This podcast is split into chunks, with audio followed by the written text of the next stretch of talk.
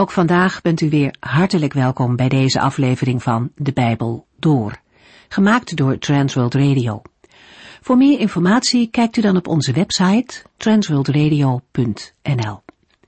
In deze serie gaat u in vijf jaar tijd met ons de Bijbel door, van Genesis 1 tot en met het laatste vers in Openbaring 22. We zijn in deze serie bezig in de brief van Jacobus. Aan het eind van hoofdstuk 1 hebben we gelezen over Gods wet van vrijheid. En die wet staat in scherp contrast met wat de Joodse leiders van Gods wet hadden gemaakt. Zij letten meer op het precies houden van de wet en bedachten daar allerlei regels bij, dan dat het hen ging om de eer van God en de kern van de wet. De Heere had nooit voor ogen om een volk te hebben dat hem alleen maar uiterlijk diende. Vaak heeft hij gezegd, ik wil uw offers niet, maar ik wil dat u naar mij luistert. De wet op zich was goed. De wet was immers door God zelf gemaakt, maar het was ook duidelijk geworden dat geen mens het daardoor in orde kon maken met God. De wet was een juk waarvan Petrus constateert dat het te zwaar was voor de Israëlieten, laat staan voor de gelovigen die uit de heidenvolken kwamen. Alleen de Heer Jezus kon de wet volkomen vervullen. Door zijn leven, door zijn lijden en door zijn sterven heeft hij mensen vrijgemaakt van dat juk van de wet. Wie door de Zoon van God wordt bevrijd, zal ook werkelijk vrij zijn.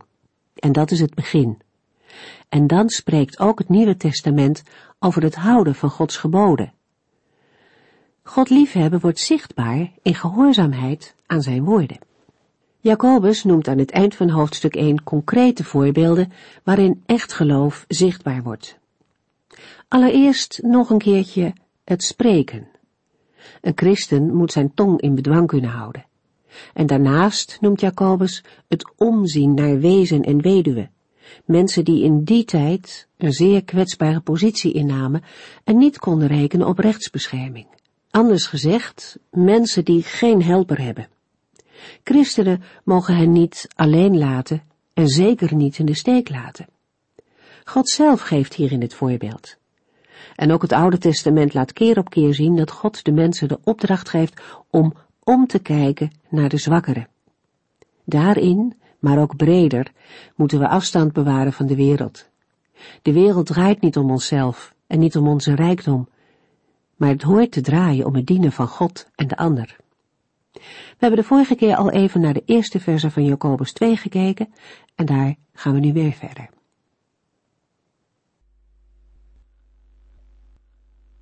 In Jacobus 2 legt Jacobus uit hoe noodzakelijk goede werkers zijn. Jacobus noemt drie aspecten. 1. Toewijding is een noodzakelijk onderdeel van het geloof. Je kunt geen christen zijn alleen omdat je het eens bent met de juiste leer of omdat je beleidt dat de Bijbelse feiten waarheid zijn. Je moet zowel je hart als je verstand aan Christus toewijden. 2. Goede werken zijn het bewijs van echt geloof. Van iemand die echt christen is geworden is het leven veranderd. 3. Niemand heeft baat bij geloof zonder werken. Het is waardeloos. Deze uitspraken van Jacobus kloppen met het onderwijs van de apostel Paulus. Ook Paulus verkondigde dat redding alleen mogelijk is door geloof. Daarbij benadrukt de apostel ook het doel van het geloof, namelijk het brengt verlossing. Jacobus benadrukt de gevolgen van het geloof, namelijk een veranderd leven. Jacobus 2, vers 1. Broeders en zusters, nu u gelooft in Jezus Christus, onze glorierijke Heer, moet u geen onderscheid meer maken tussen rijk en arm. Een van de verdrietige zonden in de wereld is aanzien des persoons of partijdigheid. Zonde waarbij rang en stand een belangrijke rol spelen. In hoofdstuk 2 keert Jacobus zich heftig tegen alle bevoorrechting op grond van aanzien en bezit. Krachtig klinkt zijn verwijt tegen rijken, die misbruik maken van hun positie en de armen geweld aandoen en hen voor de rechter slepen. Jacobus noemt zulke bevoorrechting overtreding van de wet. En wie op één punt struikelt, is in feite net zo schuldig als iemand die de hele wet heeft overtreden. Jacobus wil zijn vermaning met nadruk richten tot zijn broeders en zusters. Al het volgende staat in het licht van deze aanspraak. De woorden, nu u gelooft in Jezus Christus, onze glorierijke Heer, geven de overwinningspositie van de Heer Jezus Christus aan. Ook in 1 Corinthians 2 vers 8 wordt Christus de Heer van de heerlijkheid genoemd. Als hij dat nu is, hoe valt daarmee dan te rijmen dat gelovigen iemand beoordelen naar zijn uiterlijk aanzien? Jezus Christus is Heer over rijken en armen, zonder onderscheid. Het geloof in Hem moet dan ook alle persoonlijke bevoorrechting, alle corruptie en kruiperij, als onchristelijk, onsociaal en onrechtvaardig uitsluiten. Bij de Heere is geen aanzien des persoons. Een treffend Bijbelgedeelte waarin dit aspect duidelijk naar voren komt, vinden we in 1 Samuel 16 vers 7, waar de Heere tegen de profeet Samuel zegt, Beoordeel een man niet op zijn uiterlijk of zijn lengte, want dit is niet de man die ik bedoel. Ik beslis op andere gronden dan u. De mensen beoordelen iemand naar zijn uiterlijk, maar ik kijk naar zijn gedachten en hoe hij innerlijk is. Jacobus 2 vers 2 en 3 Stel u voor dat u bij elkaar bent en er komt iemand binnen met dure kleren aan en gouden ringen aan zijn vingers. En u doet onderdanig en zegt, gaat u maar hier zitten, meneer. Dit is een goede plaats voor u. Maar aan een arme man die tegelijk met die ander binnenkomt, schenkt u geen aandacht. Als u dan tegen hem zou zeggen, blijf daar maar staan, of ga ergens op de grond zitten, dan zou u mensen op hun uiterlijk beoordelen. Jacobus geeft een aanschouwelijk voorbeeld van het aanzien van een persoon, met andere woorden van partijdigheid of discriminatie. Het zou toch beschamend zijn als in een christelijke samenkomst iemand met dure kleren aan en gouden ringen aan zijn vingers op een opvallende wijze bevoorrecht zou worden boven iemand die tegelijk met hem binnenkomt, maar minder goed gekleed is en arm. Maar dit gevaar is ook vandaag allerminst denkbeeldig. En ook de waarschuwing is nog steeds actueel. De boodschap van Jacobus is duidelijk. In samenkomsten of kerkdiensten van christenen mogen nooit wereldse maatstaven gelden. In de geloofsgemeenschap met Christus wordt alle onderscheiding van rang en stand opgeheven. In vers 3 wordt het pijnlijke verschil beschreven.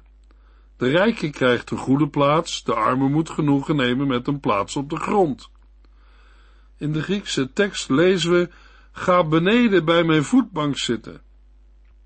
Jacobus 2 vers 3 en 4 Maar aan een arme man, die tegelijk met die ander binnenkomt, schenkt u nauwelijks aandacht.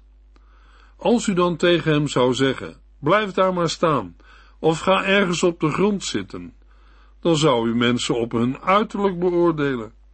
U zou zich laten leiden door verkeerde maatstaven. Bij de gelezen versen kunnen we vragen, waarom is het verkeerd iemand op grond van zijn materiële bezit te beoordelen? Rijkdom kan toch een aanwijzing zijn waaruit intelligentie, wijze besluitvorming en een grote werkijver kan blijken. Ja, dat kan. Maar het kan ook betekenen dat iemand het geluk had in een rijke familie te zijn geboren. Rijkdom kan ook het gevolg zijn van hebzucht, oneerlijkheid en egoïsme. Als we alleen respect hebben voor iemand omdat hij goed gekleed is, vinden we zijn uiterlijke verschijning belangrijker dan zijn karakter. Als wij zeggen dat Jezus Christus onze Heer en Heiland is, en Hij het over ons leven heeft te zeggen, dan moeten we leven zoals Hij. Dat wil zeggen, leven zonder voorkeur te geven aan de een boven de ander. Wij mogen mensen liefhebben, zonder dat daarbij hun status of positie een rol speelt. De Heere God is niet tegen rijkdom, maar wij maken vaak de fout te denken dat iemand rijk is omdat God hem of haar heeft gezegend. Dat kan, maar hoeft niet. God zorgt voor zijn kinderen en maakt dat zij genoeg hebben. En als de Heere meer geeft, dan is dat vooral om er goed mee te doen en anderen te helpen. De rijkdom die de Heere belooft en geeft, is geen aardse beloning of rijkdom. Daarentegen is de werkelijkheid dat Christus ons roept bereid te zijn voor hem te lijden en alles op te geven om het eeuwige leven te kunnen beërven. In Matthäus 6, vers 19 tot en met 21 geeft de Heer Jezus onderwijs voor het leven van een gelovige. Hij zegt tegen zijn volgelingen, verzamel op aarde geen kostbaarheden, want die vergaan of worden gestolen. U kunt beter kostbaarheden in de hemel verzamelen, waar ze nooit zullen vergaan of worden gestolen. Want waar u uw kostbaarheden bewaart, daar zal ook uw hart naar uitgaan. Mogelijk dat iemand zich afvraagt, en wat levert dat op? In Matthäus 19, vers 29 en 30 geeft de heiland er een antwoord op. Ieder die zijn huis, broers, zusters, vader, moeder, kinderen of bezittingen opgeeft om mij te volgen, zal honderdmaal zoveel terugkrijgen. En bovendien krijgt hij het eeuwige leven. Maar vele eersten zullen de laatste zijn, en vele laatsten de eersten. Ook in Lucas 12 geeft de Heer Jezus onderwijs over rijk zijn, genoeg en over welke maatstaaf ons hierbij moeten leiden. We lezen in Lucas 12, vers 15b tot en met 34. Verlang niet steeds naar dingen die u niet hebt, want het leven bestaat niet uit het hebben van veel spullen. Hij, Jezus, maakte dit duidelijk met een gelijkenis. Een rijk man had heel vruchtbaar land en de oogst was zo groot dat hij niet in de schuren kon. De man vroeg zich af waar hij alles moest laten. Ineens wist hij het. Ik breek mijn schuren af en zet er grotere voor in de plaats, zei hij. Dan heb ik ruimte genoeg om alles op te slaan. Als het klaar is, zal ik tegen mezelf zeggen: Jij hebt voor jaren genoeg. Rust eens lekker uit, eet, drink en geniet. Maar God zei tegen hem: Dwaas, vannacht zult u sterven. En wie krijgt nu alles wat u achterlaat? Zo gaat het met iemand die altijd maar meer wil hebben, waar in Gods ogen een armoedzaaier is. Jezus zei tegen zijn leerlingen: Maak je geen zorgen over je levensonderhoud, over wat je zult eten of aantrekken. Want het leven is meer dan voedsel en kleding alleen. Kijk eens naar de kraaien, die zaaien en oogsten niet, en ze hebben geen voorraadkamers of schuren. Toch gaat het hen goed, want God geeft ze te eten. Wel, jullie betekenen toch veel meer voor hem dan die vogels. Waar zijn zorgen trouwens goed voor? Kun je je leven erdoor verlengen? Natuurlijk niet. Als je dat nog niet eens kunt, waarover zul je je dan zorgen maken? Kijk eens naar de lelies, die spinnen niet en weven niet. Toch zijn zij mooier dan koning Salomo in al zijn pracht en praal.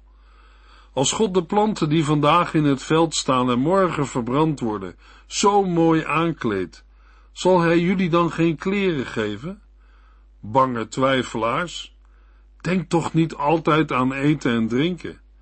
Ik wil niet dat jullie je daarover ongerust maken, zoals de andere mensen. Je hemelse vader weet heel goed wat je nodig hebt.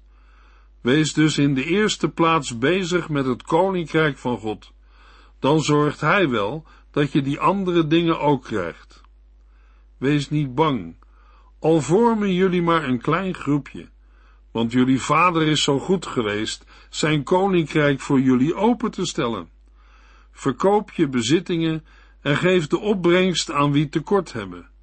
Zorg dat je een beurs krijgt die nooit opraakt, waar dieven niet bij kunnen en waar de mot niet aanvreet. Want waar je schat is, daar zullen ook je hart en gedachten zijn. In het verlengde van het onderwijs van de Heer Jezus en wat wij bij Jacobus hebben gelezen, lezen we wat de apostel Paulus schrijft aan zijn medewerker Timotheus. 1 Timotheus 6 vers 17 tot en met 19. Zeg tegen de rijken dat ze niet trots mogen zijn en niet moeten vertrouwen op hun rijkdom, die slechts een twijfelachtige zekerheid geeft, maar dat zij moeten vertrouwen op de levende God, die ons van alles geeft om ervan te genieten. Zeg hun dat zij hun rijkdom moeten gebruiken om er goed mee te doen. Zij moeten rijk zijn in goede werken en met een blij hart geven aan mensen die gebrek lijden.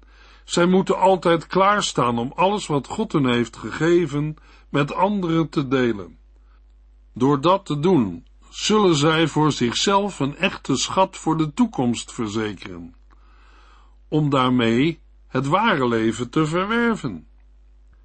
Jacobus 2 vers 5 Luister naar mij, vrienden. God heeft de armen uitgekozen om rijk in het geloof te zijn. Het koninkrijk van God is voor hen, want dat heeft God beloofd aan allen die hem liefhebben. Kennelijk wil Jacobus zijn lezers met deze oproep aansporen om over de situatie uit de voorgaande versen nog eens goed na te denken. God heeft de armen, die hem liefhebben, juist uitverkoren. Daarmee grijpt Jacobus terug op de belofte van de verkiezing en de redding van de arme gelovigen uit het Oude Testament. De armen bevinden zich nu nog in deze wereld, maar zijn erfgenamen van het koninkrijk. De Heere verkoos de armen om rijk in het geloof te zijn. Het tegendeel van wat in de wereld voor rijk doorgaat. Het heeft betrekking op een geestelijke rijkdom in het heden. Maar bij deze verkiezing is er ook sprake van een toekomstige rijkdom in de vorm van een erfenis. De Heere maakt de arme gelovigen in hun verkiezing tevens tot erfgenamen van zijn koninkrijk. Jacobus 2 vers 6 Hoe kunt u dan een arme man met minachting behandelen? Begrijpt u niet dat het de rijken zijn die u slecht behandelen en voor de rechtbank slepen? De wijze waarop de lezers van de brief, blijkens het gestelde voorval in vers 3, een arme man behandelen, staat in schril contrast met de wijze waarop God de arme bejegent. Zij doen hem oneer aan door hem te minachten. En dat is helemaal in strijd met Gods bedoelingen. Jacobus gebruikt hier een Griekse vorm van minachten die aangeeft dat het niet alleen gaat om een denkbeeldige situatie. Hij refereert aan concrete voorvallen uit het leven van zijn lezers. Hetzelfde geldt voor het appel dat hij in het tweede gedeelte van vers 6 op hen doet in de vorm van een retorische vraag. Met die vraag herinnert hij aan allerlei nare ervaringen die zijn lezers met de rijken hebben opgedaan. Zij zullen het met hem eens zijn. Het zijn die rijken die u slecht behandelen en voor de rechtbank slepen. Jacobus schrijft hiermee ook terug op de prediking van de profeten tegen de rijken vanwege hun gewelddadige behandeling van armen, weduwen en wezen. Dat blijkt mede daaruit dat Jacobus spreekt over de rijken in het algemeen. Zo zijn het ook de rijken die hen smadelijk behandelen door hen voor de rechtbank te slepen. Op die manier worden de lezers door de rijken uitgeleverd aan partijdige rechters met alle gevolgen van dien. Door nu de rijken toch naar de ogen te kijken, vervallen zij zelf tot een soortgelijk wangedrag tegenover de arme man uit vers 3. En geldt voor hen, zij laten zich leiden door verkeerde maatstaven. Jacobus 2 vers 7 Juist zij spotten met de goede naam van Jezus Christus, die bij de doop over u is uitgeroepen. Ook in vers 7 zinspeelt Jacobus op ongelukkige ervaringen die zijn lezers met de rijken hebben opgedaan. En opnieuw doet hij dat in de Griekse tekst, met behulp van een retorische vraag, waarop zij alleen maar met ja kunnen antwoorden. Zo brengt hij hun in herinnering dat het de rijken zijn die de goede naam van Jezus Christus lasteren, die over hen bij de doop is uitgeroepen. zoals eens Gods naam over het volk Israël werd uitgeroepen, waardoor het zijn eigendom werd, zo is bij hun doop met dezelfde bedoeling de naam van de Heer Jezus over hen uitgeroepen. En van die naam spreken de rijken nu kwaad. Dat het juist de rijken zijn die dat doen, is bij de lezers bekend. Daarom schrijft Jacobus, juist zij spotten met de goede naam van Jezus Christus. Zijn vraag kunnen zij niet anders dan bevestigend beantwoorden. Het is heel erg als de naam van de Heer Jezus wordt gelasterd en bespot. Maar als de lezers die rijken desondanks naar de ogen kijken, dan doen zij impliciet aan die laster mee. Jacobus 2 vers 8 Het is goed om te doen wat de Heere van u vraagt. Heb uw naaste net zo lief als uzelf. In vers 8 trekt Jacobus de lijn van vers 6a door. Daar stelt hij dat zijn lezers door de rijken naar de ogen te kijken de armen oneer aandoen. Dat is daarom zo kwalijk, omdat zij zodoende ook tegen het gebod van de Heer ingaan.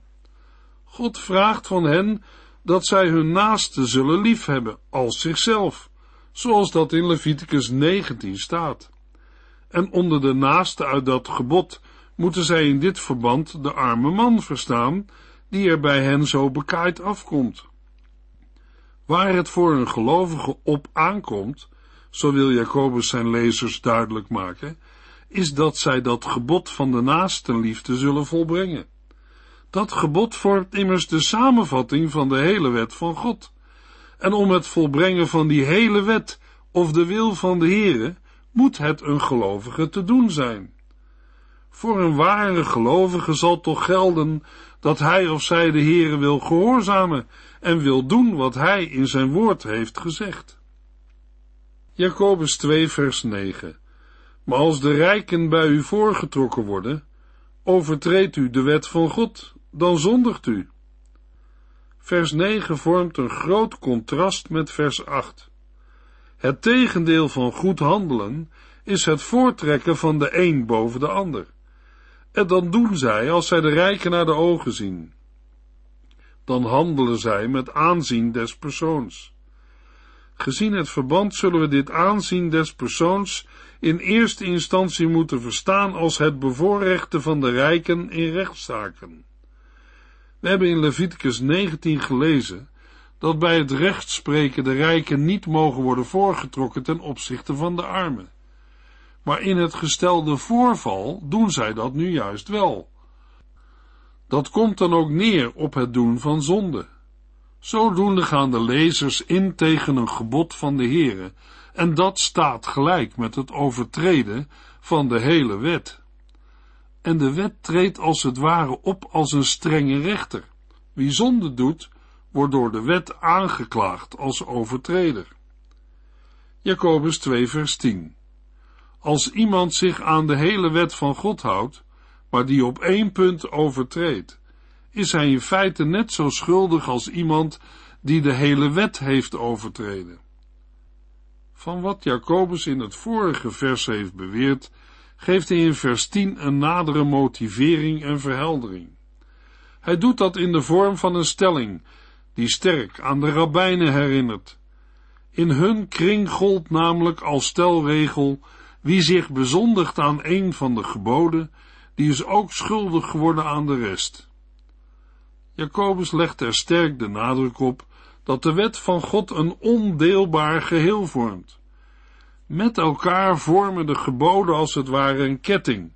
Wie één schakel ervan breekt, breekt daardoor het geheel. Jacobus 2 vers 11 tot en met 13.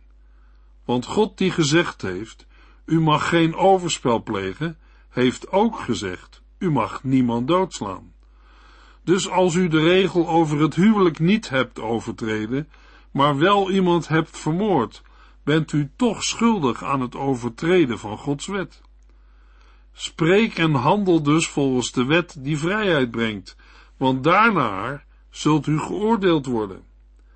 Wees u goed bewust van wat u doet en denkt. Als u geen medelijden met anderen hebt gehad, zal God ook geen medelijden met u hebben. Maar als u wel medelijden met anderen hebt gehad, zal Gods medelijden het winnen van zijn oordeel. In vers 10 stelt Jacobus met nadruk dat de wet van de Heere een ondeelbaar geheel vormt. In vers 11 tot en met 13 laat hij zien waarom dat het geval is. Alle geboden zijn van één en dezelfde wetgever afkomstig. Als zodanig openbaren zij allemaal zijn wil. Elk voor zich zijn zij een uitvloeisel van die ene, ondeelbare wil van de Heere. Om die reden houdt een overtreding van één enkel gebod meteen een schending van de hele wet in. Dat geldt zeker met betrekking tot het koninklijke gebod van de naaste liefde. Wie dat overtreedt, die is in de grond van de zaak een overtreder van de hele wet geworden. Als Jacobus zijn lezers iets duidelijk wil maken, is het wel dat zij op de juiste manier moeten handelen en spreken. Hun woorden en daden moeten in overeenstemming zijn met de wil van God. In vers 12 houdt Jacobus zijn lezers met klem voor dat zij eens geoordeeld zullen worden. Zonder het openlijk te zeggen wil hij hun, in vers 13, op het hart binden voor dat oordeel ontzag te hebben en ermee te rekenen. In de volgende uitzending lezen we verder in Jacobus 2. U heeft geluisterd naar De Bijbel Door, in het Nederlands vertaald en bewerkt door Transworld Radio. Een programma waarin we in vijf jaar tijd de hele Bijbel doorgaan. Als u wilt reageren op deze uitzending of u heeft vragen, dan kunt u contact met ons opnemen. Tijdens kantooruren kunt u bellen op 0342 478432 0342 478432. Ook kunt u een e-mail sturen naar de Bijbel door at transworldradio.nl en natuurlijk kunt u ook via de post ons bereiken. TWR, postbus 371, postcode 3770, AJ in Barneveld. Dit programma werd gepresenteerd door Cor Weda en Ike André. Techniek was in handen van Odin van Voerkom. En wij allemaal bedanken u voor het luisteren. Graag tot de volgende keer.